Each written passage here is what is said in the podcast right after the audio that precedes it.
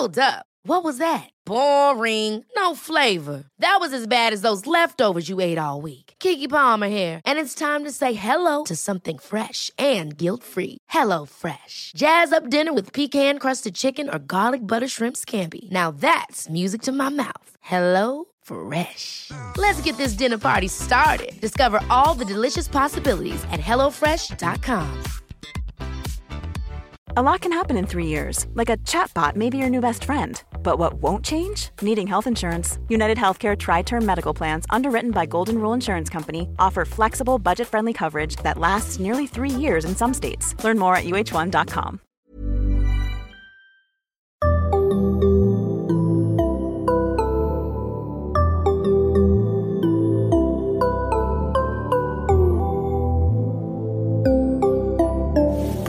Barnpsykologerna. Välkomna till ett nytt avsnitt av Barnpsykologerna. En podcast med Liv Svirsky och Lars Klintvall. Och, Hej. hej. Hej Lars, för idag ska jag intervjua dig. Och vi ska prata, eller intervjua dig, men vi ska prata om, du ska mythbasta, eller hur? Ja, det är, min, det är verkligen min favorit. Ja. Min favorit. Eh, krossa lite myter om eh, barnpsykologi. Och eh, det kommer vara en hel, ett helt gäng myter. Mm. Sju stycken. Precis. Okej, ska vi köra? Ska du sitta och bläddra under tiden? Jag kommer behöva göra det faktiskt. Jag har med mig, printat ut alla artiklar. Jag har så mycket grejer med mig. Okej. Mm. Säg vilka de är bara. Okej. Beröm och belöningar gör att barns inre motivation försvinner. Mm. Att träna teckenspråk med bebisar gör att de lär sig prata tidigare. Bebisar ser mer ut som sina pappor när de är nyfödda. Jag vet inte om det är barnpsykologi, men. Mm. Ja, det handlar i alla fall om barn. Det handlar om barn. Barn som äter socker får en sockerchock en stund senare. Trotsåldern runt två år är en fas som alla barn har. Eh, fysisk bestraffning av barn leder till känslomässiga problem senare i livet. Och sen nummer sju. Folk utvärderar sina liv när de närmar sig jämna födelsedagar. Kanske inte heller barnpsykologi för jag tror inte tioåringarna gör det. Men Det vi tar den myten i alla fall. Då. Tioårskrisen. när man utvärderar vad man har gjort på den här jorden. Men vi börjar med den första då. Beröm och belöningar gör att barns inre motivation försvinner. Ja. Stämmer det? Eh, alltså så här. Nu ska, vi, nu ska jag sä- säga, det ska jag säga var myten kommer ifrån. Mm. Det fanns en klassisk studie på 70-talet när man började, man lät barn rita teckningar på en förskola. Och så kollade man hur många teckningar de hann rita på. När, de liksom, när man erbjöd dem att rita, hur många teckningar ritade de? Så då gjorde man det en dag och nästa dag så kom man tillbaka och sa man så här, bra nu ska vi, vi kommer betala er för att rita teckningar. Och då betalade de, jag tror att de betalade dem med godis i och för sig. Men det var ändå betalning för teckningar. Och då började de ju såklart rita skitmycket teckningar. För det, det lägger man ju till en yttre, eh, en yttre motivation. Liksom. Och sen den tredje dagen så kommer forskarna tillbaka och säger så här. Mm, nu är det slut på betalningen. Ni kommer inte få några godisar för att rita teckningar. Och då ritar barnen såklart färre teckningar. Men de ritar också färre teckningar än vad de gjorde dag ett. Så det, man, det man sa då i den här första studien, en enda studie, var att det som hände här var att genom att lägga till en yttre förstärkare så tog vi bort barnens inre förstärkare som måste ha funnits där från början.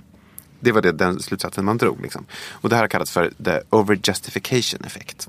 Har man förklarat det med. Det vill säga att när barnen sitter där och ritar så tänker de så här, varför ritar jag den här teckningen?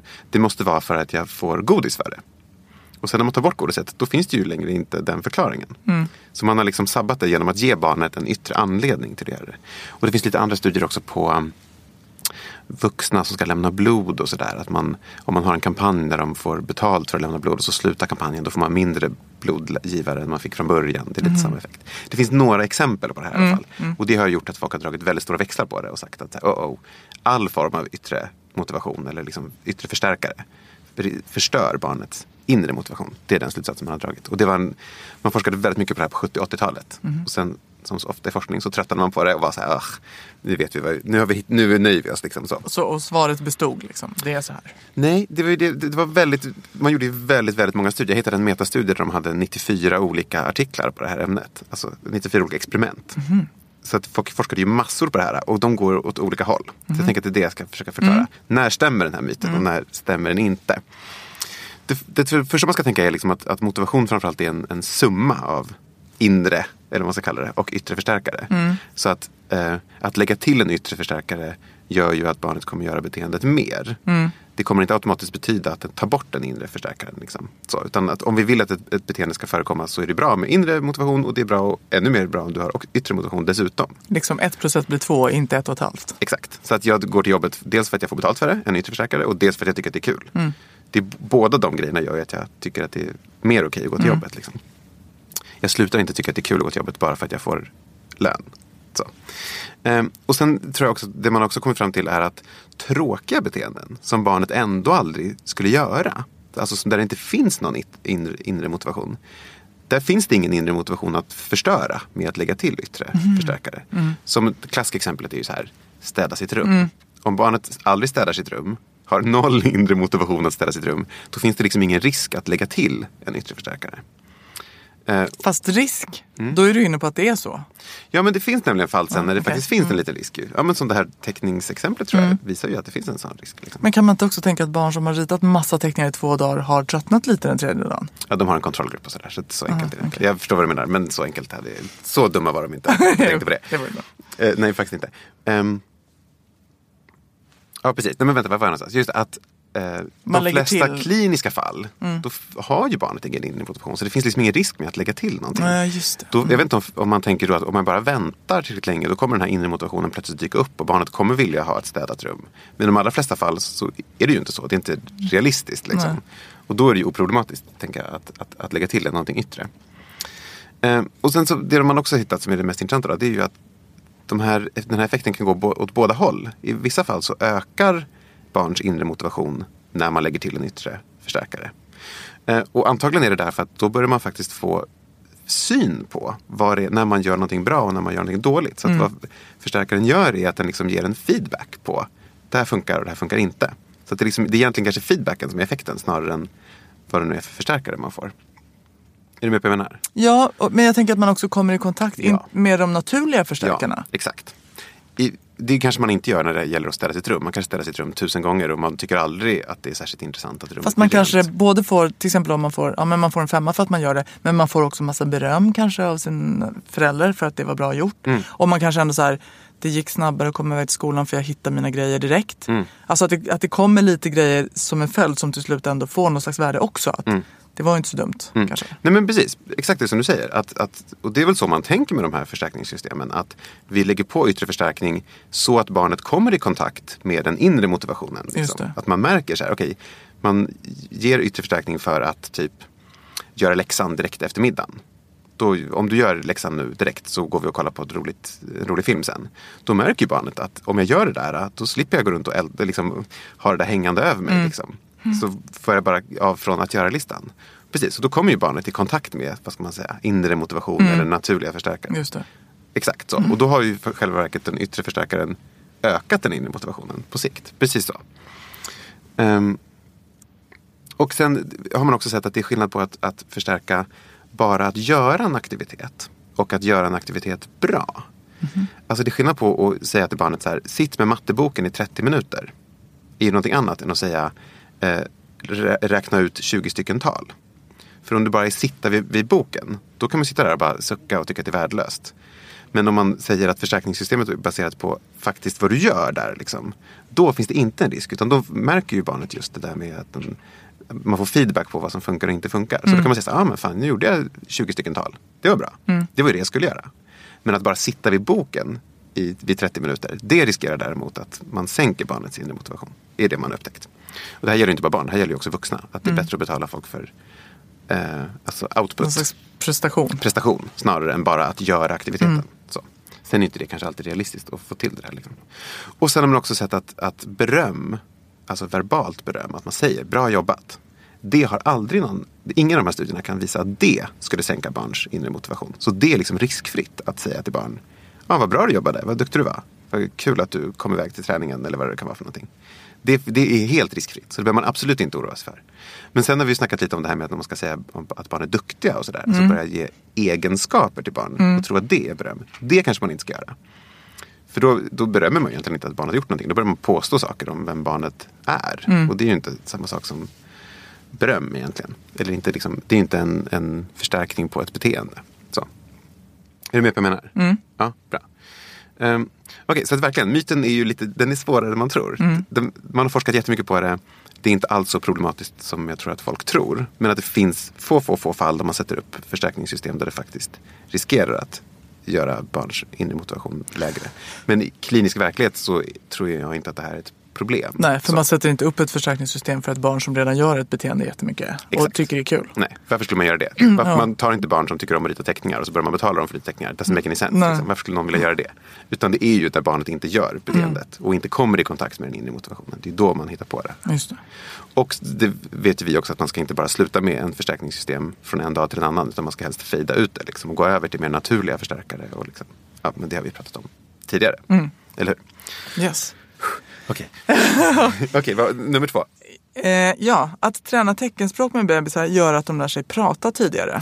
Ja, det här, var, det här trodde jag på riktigt när jag började researcha. Det tror jag många tror, för det här är ganska inne nu att man Ja. ska gå teckenspråkskurs med. Ja, jag, jag bokade in min brorsa på teckenspråkskurs på båda hans barn. Och, tving, och gick, följde med och höll honom i handen och var såhär, nu jävlar ska du lära ungen teckenspråk för det är så otroligt bra. För att jag trodde det. Och det här var en stor grej på 90-talet i USA framförallt. Så började man göra massa studier på det här. Eh, och det började paradoxalt nog med att man var rädd att man gjorde studierna för att visa att det inte gjorde att barnen lärde sig sämre talat språk. För det fanns en teori då att om du lär barn teckenspråk så kommer de inte lära sig att prata. Så då började man göra studier för att visa att För att typ de behöver inte, för de kan teckna. Exakt, det var liksom risken sa folk. Så här. Och då gjorde man studier för att visa att så är det inte. Samma som det här med att man gjorde studier på att visa att tvåspråkiga barn inte blir sämre på båda språken. För det var ju folk som trodde det ett tag. Så det var samma idé. Liksom. Och då kom det en väldigt tidig studie 1993 som visade att det var precis tvärtom. Att de här barnen verkade ha en bättre kognitiv utveckling. Och då blev vi alla såklart eld och tyckte att det här är fantastiskt. Och så började man göra fler studier. Och dessvärre då, att det här var ju den studien jag läste först också. Och sen har man försökt göra massa studier på det här senare och inte lyckats få den effekten. Så att det verkar som att man gör de här studierna, man börjar med att träna barnen när de är så 11 månader. Så börjar man lära dem teckenspråk och så följer man upp dem ett år senare och kollar om de har högre IQ-poäng och om de har mindre ilskeutbrott och massa sådana saker. Och det verkar inte som att det har någon som helst effekt. Men, men har man, finns det den negativa effekten att de blir senare? Nej, nej, nej. Nej, nej, nej. Utan det Gud. bidrar inte med någonting. Det är en sysselsättning som vilken som helst. Absolut. Det, och det verkar liksom inte göra från eller till. Dessvärre. Vilket man ju verkligen skulle kunna hoppas på. Mm. Och det, här är liksom, det har gjorts 12 jättebra studier på det här. Alltså det är inte som att vi inte har försökt. Vi har verkligen letat efter den här effekten. Och den verkar helt enkelt inte finnas. Och det är så dumt. För jag tror så mycket på det här. Jag trodde så mycket på det. Och det går, det går liksom inte att ge, se något stöd för det i forskningen. Men det är väl bra att vi har spräckt den myten. Ja, ja precis. Så vill man gå på teckenspråk med sitt barn så kan man göra det. Men Alltså, inte... I... därmed, det kan ju fortfarande vara kul. Alltså, Ja, det är exakt. kul med en 11 månaders bebis som kan säga saker. Men det verkar inte ha någon Inte säga, mätbar utan Nej, teckna jag visar. saker. Liksom. Mm. Exakt. Och det måste jag också säga att det finns ju subgrupper. Alltså barn som har språkproblem. Ja, de Då kan ju ha nytta behöver man ju ha nytta av det här. Men det vet man ju inte när barnet är 11 månader. Om man har... Nej, det vet man inte. Det är? Nej, det är ju äldre barn Ja. som inte utvecklar talat språk. Och då man, kan man lära dem teckenspråk. Ja. Men det är ju en helt annan grupp. Precis, exakt. Mm.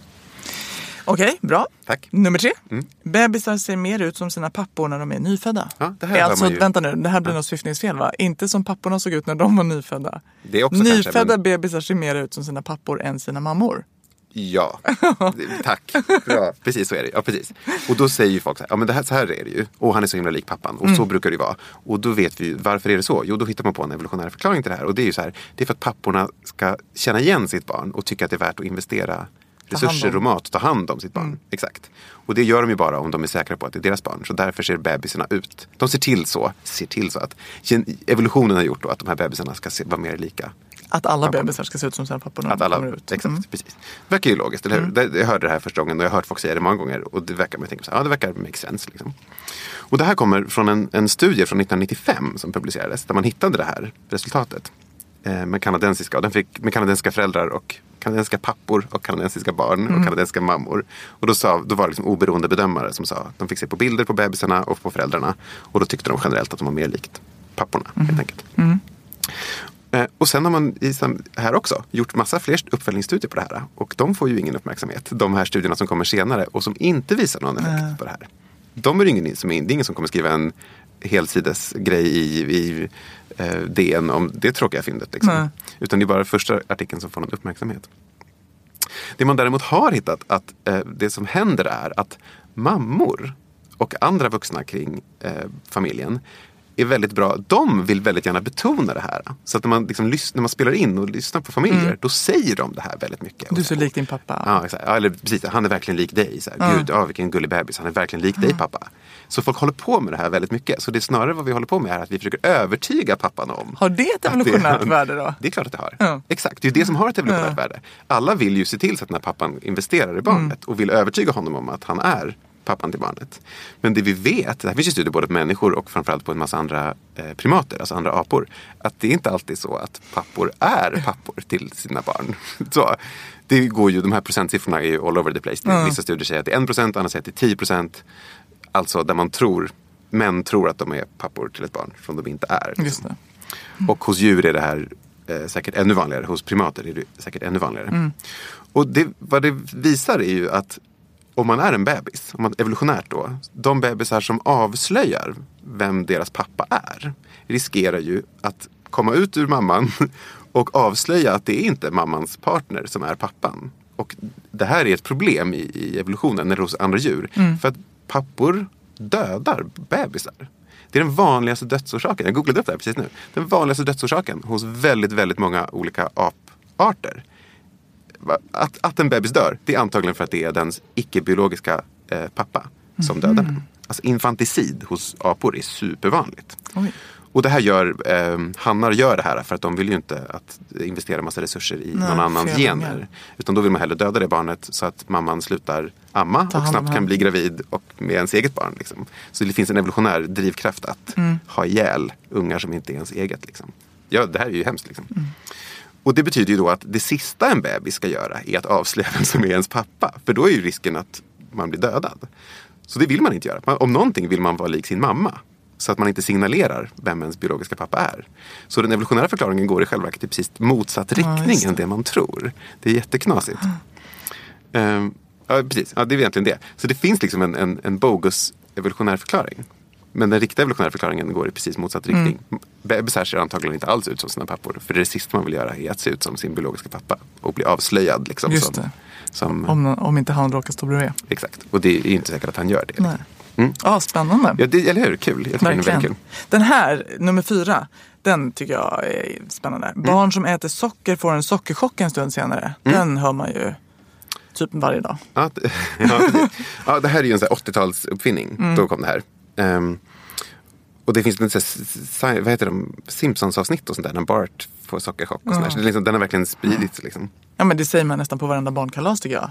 Och nu kommer de bli tokiga. Ja, Mm, precis. Och, Ja, och det har man ju forskat på jättemycket också. Det finns, jag hittade en review-artikel som hittade 23 eh, placebostudier. Alltså att man ger, eh, man säger inte till barnet eller mamman vad det är eh, barnet får. Så i hälften av fallen så får de placebo, det vill säga de får något som smakar socker, aspartam, Som inte- ja. men som inte är socker. Och andra hälften får riktigt socker. Och så kollar man om det är någon skillnad. Både på liksom mammornas skattning av sina barns hyperaktivitet och på liksom att man filmar barnen och någon sorts någon eh, forskare som inte vet vad barnet fick får skatta hur mycket hyperaktivitet Mm. de har. Och det är ingen skillnad mellan placebogruppen och sockergruppen. Så. Ehm, så 23 olika studier har man kollat på det här. Några hittar i och för sig ett positiv effekt och de allra flesta hittar en negativ. Så sammantaget är det ju en negativ, ingen effekt. Liksom. Ehm, och man har gjort det här både på, man har gjort det liksom på barn med ADHD till exempel och kollat på. Finns det en effekt hos dem specifikt? Det verkar inte finnas. Man har kollat på eh, rekryterat barn vars mammor säger att de är sockeröverkänsliga. Och tänkt att det kanske finns en, vissa barn som den här effekten finns hos. Men det finns ingen effekt där heller. det är intressant. Det är jätteintressant, men det här är ju liksom bara det är en förväntanseffekt. Det finns en studie från 94 av, av, av eh, några som heter Hoover och Millich. Där de sa till mammorna så här. Nu kommer vi ge ditt barn socker. Eh, och, så, och vi tror ju att det kommer finnas en sockerchockeffekt här. Så vi vill bara kolla vad som händer. Bara det att det mammorna inte vet är att hälften av dem får inte Får socker. socker. Mm. Utan de får bara aspartam. Eh, men mammorna då som förväntar sig en effekt rapporterar också i båda grupperna att barnet blir superhyperaktivt. Och de blir också mer eh, strängare. Mhm. Så de blir så här restriktiva och börjar säga åt barnet. Så här, du måste, nu måste du lugna ner dig. Så, här. så förväntanseffekten gör att de blir i någon mening lite sämre föräldrar. Och blir liksom mer begränsande. Så det är ju ett problem att folk går runt och tror på det här. Och liksom, om det påverkar hur de pratar med barnen. Liksom. Men du, har man gjort studier, om du nu vet det, men jag tänker så här, barn som har fått socker och placebo i kalassammanhang versus barn som har fått socker och placebo i typ sitt i ett tråkigt rum utan några stimuli och trycker i dig en skål med prylar. Väl, väldigt, väldigt bra fråga. Jag borde ha läst de här. Ja, men för det man brukar säga är väl att det är sammanhanget som speedar upp barnet. Ja. Där, för att oftast s- serveras socker i sammanhang där det också är festligheter. Ja. Och där barn är väldigt aktiva. Just det. Så att det, det kan vara det som driver den här myten. Ja. Är att man får ju socker i, på hyperställen. Eller vad man ska säga. Ja. Exakt, så barnen borde då rimligtvis inte, alltså både socker och placebobarnen borde bli väldigt aktiva på kalas och både socker och placebobarnen borde bli ganska passiva om de sitter i stimulansfattig miljö och trycker i sig en skål. Just det. Just det, att det är kanske snarare Fake kontexten. marshmallows är eller så. Ja. Ja. Nej, men, ja, bra poäng. Det, jag önskar att jag visste. Du kan göra den stilen. Ja, det Mm. ska jag inte göra. Nej, okej. Då går vi vidare, nummer fem. Det här, vi borde ha gjort en lista som gick så här nerifrån och upp. Så här, nummer ett. Men Ja, vi det, gjorde det inte det. vi. Så nu är vi på nummer fem. Det är typ den konstigaste sist eller någonting. Ja, exakt. Trotsåldern är en fas som alla barn har och då är det här då trotsåldern som är runt tvåårsåldern. Mm. Ja, för det, det verkar finns, finnas idéer om att det finns en trotsålder vid två, en vid sex har jag hört och en vid nio har jag hört. Och sen är väl tonåren en enda lång Och trotsålder sen är tonåren såklart en lång trotsålder. Exakt, men två är väl den vanliga. Och på engelska heter den terrible twos. Mm. Just det. Eh, och det, det är väl typ en förklaring till varför den här myten överhuvudtaget uppstår. är för att det är en sån snygg allitteration. Att terrible twos låter väldigt bra och trotsiga tvåårsåldern låter väldigt bra. Att det gör att man liksom kommer ihåg den. Mm. Tror jag faktiskt är en förklaring till varför den har populariserats. Eh, men då har man gjort såklart då massa studier. Till exempel det finns en väldigt stor studie på, eh, från Norge. Eh, som kom ut 2008. Där man har kollat på tusen eh, barn. Och följt dem longitudinellt från ett till fem år tror jag det var. Eh, och då visade det sig att ettåringar har lika mycket ilskutbrott som tvååringar har. Och sen ökar det när de är tre och fyra.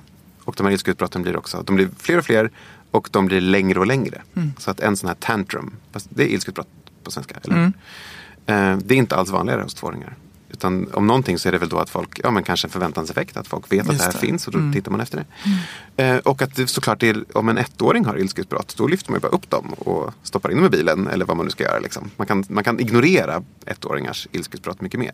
Medan tvååringar kan man ju inte göra det. De kan ju faktiskt sätta emot. Liksom. Och då uppfattar man det som att barnet har blivit mer trotsigt. Fast det kanske bara är att barnet har förmågan att eh, uttrycka, eller ska man säga, att eh, driva igenom det, det. sin vilja mer. Så. Och då förstår man det som ökat trots. Så det finns ingen trotsålder, alla åldrar innehåller trots och utbrott. Exakt. Nej, Men, och, jag, vet inte, jag tänker att det här är typiskt KBT-grej, men att det här med faser. Att liksom idén om att barn Mm. utvecklas på, liksom, enligt någon sorts schema. Det är, är ju lite inte komplicerad så. i sig. Ja, den är ju komplicerad i sig. Mm. Exakt. Så här. Och herregud, det är ju en klassiker det här med tonåren. Att tonåren ska vara trotsiga och ha en ungdomsuppror och sådär. Mm. Massa tonåringar som inte har det. Som aldrig har det. Och det, det betyder inte att det är något fel på dem eller något sånt där. Så hela liksom fasidén inom psykologi. Det är ju en så här 50-talsgrej. Då var man väldigt inne på det här med faser och att alla skulle vara samma. Och så. Mm. Ja, precis. Ja. Jag vet inte om det är en marxist-idé om att här, samhällen utvecklas genom faser, individer utvecklas genom faser. Ja, men det, är ju, det verkar ju inte funka så bra. Liksom. Nej. Så. Folk är ju så otroligt olika. Ja, då punkterar vi den också. Ja, bra, tack. Nummer sex. Fysisk bestraffning av barn leder till känslomässiga problem senare i livet. Ja, så här, jag trodde ju, det här var lite dubbelt, för att jag trodde ju att det här var en myt. Mhm. Att folk överdriver det där. Mm. Och nu har jag läst på och läst på och läst på. Har En väldigt bra eh, reviewstudie från 2013 som sa att jo men det är faktiskt då. Så, det kanske är bara jag som är förvånad. eh, de kollar liksom på spanking, har- det de har kollat på. För det är ju en grej i engelskspråkiga länder. Och då ser de att när man gör longitudinella studier, alltså att man följer ett barn, kollar när de är eh, i tidig skolålder brukar vara den vanligaste åldern för de här studierna. Och så följer man upp dem i snitt sex år senare. Då visar det sig att barn som faktiskt blir utsatta för fysisk bestraffning, de har mera både internaliserande problem, alltså ångest, och externaliserande problem, utåtagerande, sex år senare. Men det är så extremt små effekter. Eh, korrelationen är liksom 0,07 och sånt där.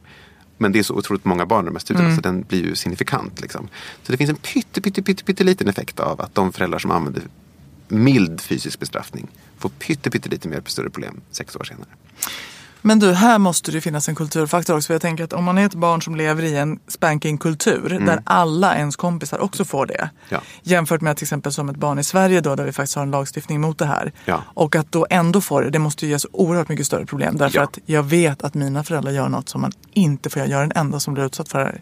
Tyvärr är det ju inte den enda, men ändå men en av få. det. Liksom. Absolut, men så kan det ju vara. Det tänker jag. Och det, jag tror också att en kultur, eller liksom, det är inte bara en kultur, det är ju som du säger, det är Mm. ju olagligt i Sverige. Ehm, de föräldrar som ändå gör det. Mm. Det säger ju någonting om, om vilka andra föräldraförmågor, Egenskaper, egenskaper, ja, man har. Liksom. Att om man måste gå till det, då kanske man saknar andra färdigheter Ja, som förälder liksom, och behöver hjälp att lära sig det. Så det kanske är ett uttryck för andra En av många saker. Ja. Mm. Och precis, som, om- precis, för det du säger är ju att i vår kultur så är det antagligen en starkare korrelation. Ja, ex- precis. Att vi skulle få ett andra siffror. Ja, Så är det ju antagligen. Ja. Exakt. Men då är det ju inte själva den fysiska bestraffningen i sig egentligen Nej. som är problemet. Nej, Så. just det. Utan hur den upplevs. Hur den upplevs Mm. och vad det säger, vad det säger om föräldern i övrigt. Liksom. Mm. Så tror jag att man ska tänka. Ehm, ja, faktiskt. Och jag tror de här studierna tar ju heller inte hänsyn till liksom, kontexten i vilken bestraffningen sker. Nej. Jag tänker att det måste vara ex- extremt stor skillnad om en unge slår ett annat barn och man går fram och liksom tar tag i det ordentligt. Mm. Men så här får du inte göra. Det är ju en helt annan sorts, det är ju ändå en fysisk bestraffning. Mm. Man liksom tar tag hårt i barnet. Det här gör, det här gör ju folk. Liksom. Det har, har väl alla som varit med barn Mm. har gjort det. Liksom. Man vet att man tar i lite för mycket. Det är ju någonting helt annat. Det tänker jag är mycket mer oproblematiskt än att man liksom, jaha, nu har du inte gjort eh, dina skoluppgifter och då kommer du få en fysisk bestraffning imorgon klockan tre. Alltså det är ju en helt annan... Utmäta ett straff. Ja, exakt. Det är ju en helt annan grej. Liksom. Och, eller hur? Det är skillnad på fysiskt straff och fysiskt straff. Men det, jag tänker också att det finns en poäng med att säga det här att, att, att effekten är så liten i de här amerikanska studierna i alla fall. För vi har ju, pratar ju inte så mycket om, om psykisk bestraffning. Nej. Alltså, det, det är som att vi tror att, att bara för att det är fysiskt så är det ett superstort övergrepp och det är hyper, super, super förbjudet. Men att liksom känslomässigt stänga ut barn och sånt där, det kan ju uppfattas som mycket, mycket, mycket värre. Och, och kontexten i vilket man gör det kan ju spela jättestor roll. Liksom. Och det, vi, det pratar vi väl om en del också, att det verkligen finns psykisk misshandel. jo, det är Problemet med det den gör. är Jo. ju att den är så svår att mäta. Ja, så det Att är så- bättre att dra ett tydligt streck Exakt. fysiskt. Liksom. Absolut. Ehm, men, men jag är glad att vi inte bastar den myten utan vi har kvar den. Och vi kan lägga till att även psykisk misshandel är illa. Ja, illa. ja exakt, exakt, exakt. Bra. Då går vi till nummer sju, den sista. Mm. Folk utvärderar sina liv när de närmar sig jämna födelsedagar. 30, 40, 50-årskriser och så vidare. Det här är inte alls barnpsykologi. Nej, Mm. men föräldrapsykologi kanske för er som lyssnar och är föräldrar. Tack. Okej. Nej, men så här, det kom en artikel 2014 som jag hittade när jag läste på om en helt annan grej. Mm. Som fick också ganska mycket uppmärksamhet då, visade det sig. Som jag blev väldigt upphetsad över. För det, den var, visade någonting som ju alla går runt och säger, det här med 30, 40, 50-årskris. Eh, Och det de gjorde var att de jämförde personer vars ålder slutar på 9, alltså 19, 29, 39, 49 med alla andra som har alla andra födelsedagar. Och så kollade de på framförallt tre utfallsmått. De hade lite fler, men de tre liksom tydligaste. Det, då sa de så här, okej, personer som slutar, vars ålder slutar på 9 är oftare på dejtingsajter. Kunde de hitta. Då tänkte de att ah, det här betyder att de liksom försöker förändra någonting i livet och liksom ta tag i sina relationer. Så här. Och de hade också tittat i World Values Survey som är en här jättestor enkätstudie som man gör över hela världen. Så det är totalt 42 000 deltagare, så det är jätte- jättemycket, många deltagare. Eh, och så frågar man dem massa frågor om hur ofta de tänker på meningen med livet och sånt här. Och då visar det sig att personer vars ålder slutar på 9 tänker oftare på meningen med livet. Eh, Och sen hade de också kollat på lite självmordsstatistik från USA, vissa delstater och hittat att eh, personer vars ålder slutar på 9 oftare tar livet av sig. Det är också ett tecken då på att man har någon sorts kris då, såklart. Ehm, tänker de. Det verkar ju logiskt. Ja, så det här blev, tyckte jag var jättekul såklart att läsa den här artikeln. Och sen så händer det, det tråkiga då att man börjar läsa artiklarna som kommer efter. Och då är liksom kritiken mot den här artikeln har varit väldigt hård. Nästan lite taskig faktiskt. För de liksom pekar ut räknefel som de har gjort och så här, logiska slutsatser som inte stämmer. Ja, men till exempel det här med dejtingsajter då. Då säger de så här, men det här är jättedumt. Det är klart att folk ljuger om sin ålder på dejtingsajter. Om man är 30 så är det ju såklart risk att man säger att man är 29 istället. Det är precis samma Och så sätt hamnar man i som... ett annat sökintervall Ja, säkert. exakt. 20 till 29, 30 till 39. Precis, Mm. precis så. Det är ju som att, man, att, att saker i affären kostar 19 och 90. 90, ja, liksom. precis. Det är samma grej. Ehm, och att folk ljuger om sin längd. Det finns det till och med andra studier som visar att folk på, dejtingsidor, killar, Ah. ljuger om sin längd. För de, den liksom ligger högre än, än vad det borde vara. Så det är samma sak där. Så då säger de så här, men det, här, det går inte att lita på de här siffrorna. Eh, och det här med att tänka på meningen med livet, då har de dels pekat ut hur de räknar fel på det här. Och de har framförallt pekat ut att den här effekten som de pratar om, den är så löjligt liten så att det är liksom nonsens. Så på en skala mellan 0 till 5, då skattar personer som eh, har en ålder som slutar på 9, de skattar i snitt 3,28. Och de som har alla andra åldrar, de skattar 3,25. Mm. Alltså det är så lite skillnad så att det är liksom så dumt. Liksom. Ingenting. Och det är samma sak med, med självmordsstatistiken. Dels så säger de så här, ni, bara, ni har valt ut de amerikanska delstater där den här effekten finns och så struntar ni i alla andra. Och även de delstater som ni väljer, då är skillnaden att folk vars ålder slutar på 9, de tar livet av sig. 15,1 personer på 100 000 invånare och alla andra är 14,7. Så det är, liksom, det är liksom ingen effekt. Så att här, den här effekten finns bara om man har hundratusentals deltagare i sina studier. Då kan man hitta de här små, små, små grejerna. Men är inte det här ett bra exempel på när forskare har en idé som de på något sätt tror väldigt mycket på och gärna vill bevisa? Ja. Och att läsarna tror väldigt mycket på den här idén. Och vill Just det, och inte vill ifrågasättas. Mm. För jag, blev, jag vet ju hur jag själv reagerade. Jag var så här, va coolt, det här är ju det alla säger. Ja. Ja, och det stämmer inte. Det stämmer inte. Eller i den mån den stämmer så är det en sån liten effekt så att den är trivial. Liksom. Men eh, tack Lars. Vi har, eh... tack för att du lät mig göra det här avsnittet. Vi har vandrat vidare kul. i forskningen kan man säga. Vi ja. har, eh, fyller vår, vår eh, podds ambition att eh, granska och hålla oss evidensbaserade hela tiden. Ja, får jag lägga in referenser till de här studierna i podd Får du så gärna om det är någon läsare som är, mm. äh, lyssnare som är nyfiken. Mm, vi sätter punkt för idag och ni hör oss snart igen. Prenumerera på oss i vår spelare så missar ni ingenting. Och till dess kan ni följa oss på Facebook där de här referenserna kommer att ligga. Mm, eh, och på Instagram där vi heter barnpsykologerna understreckare podd. Vi hörs snart igen. Hej då! Hej då!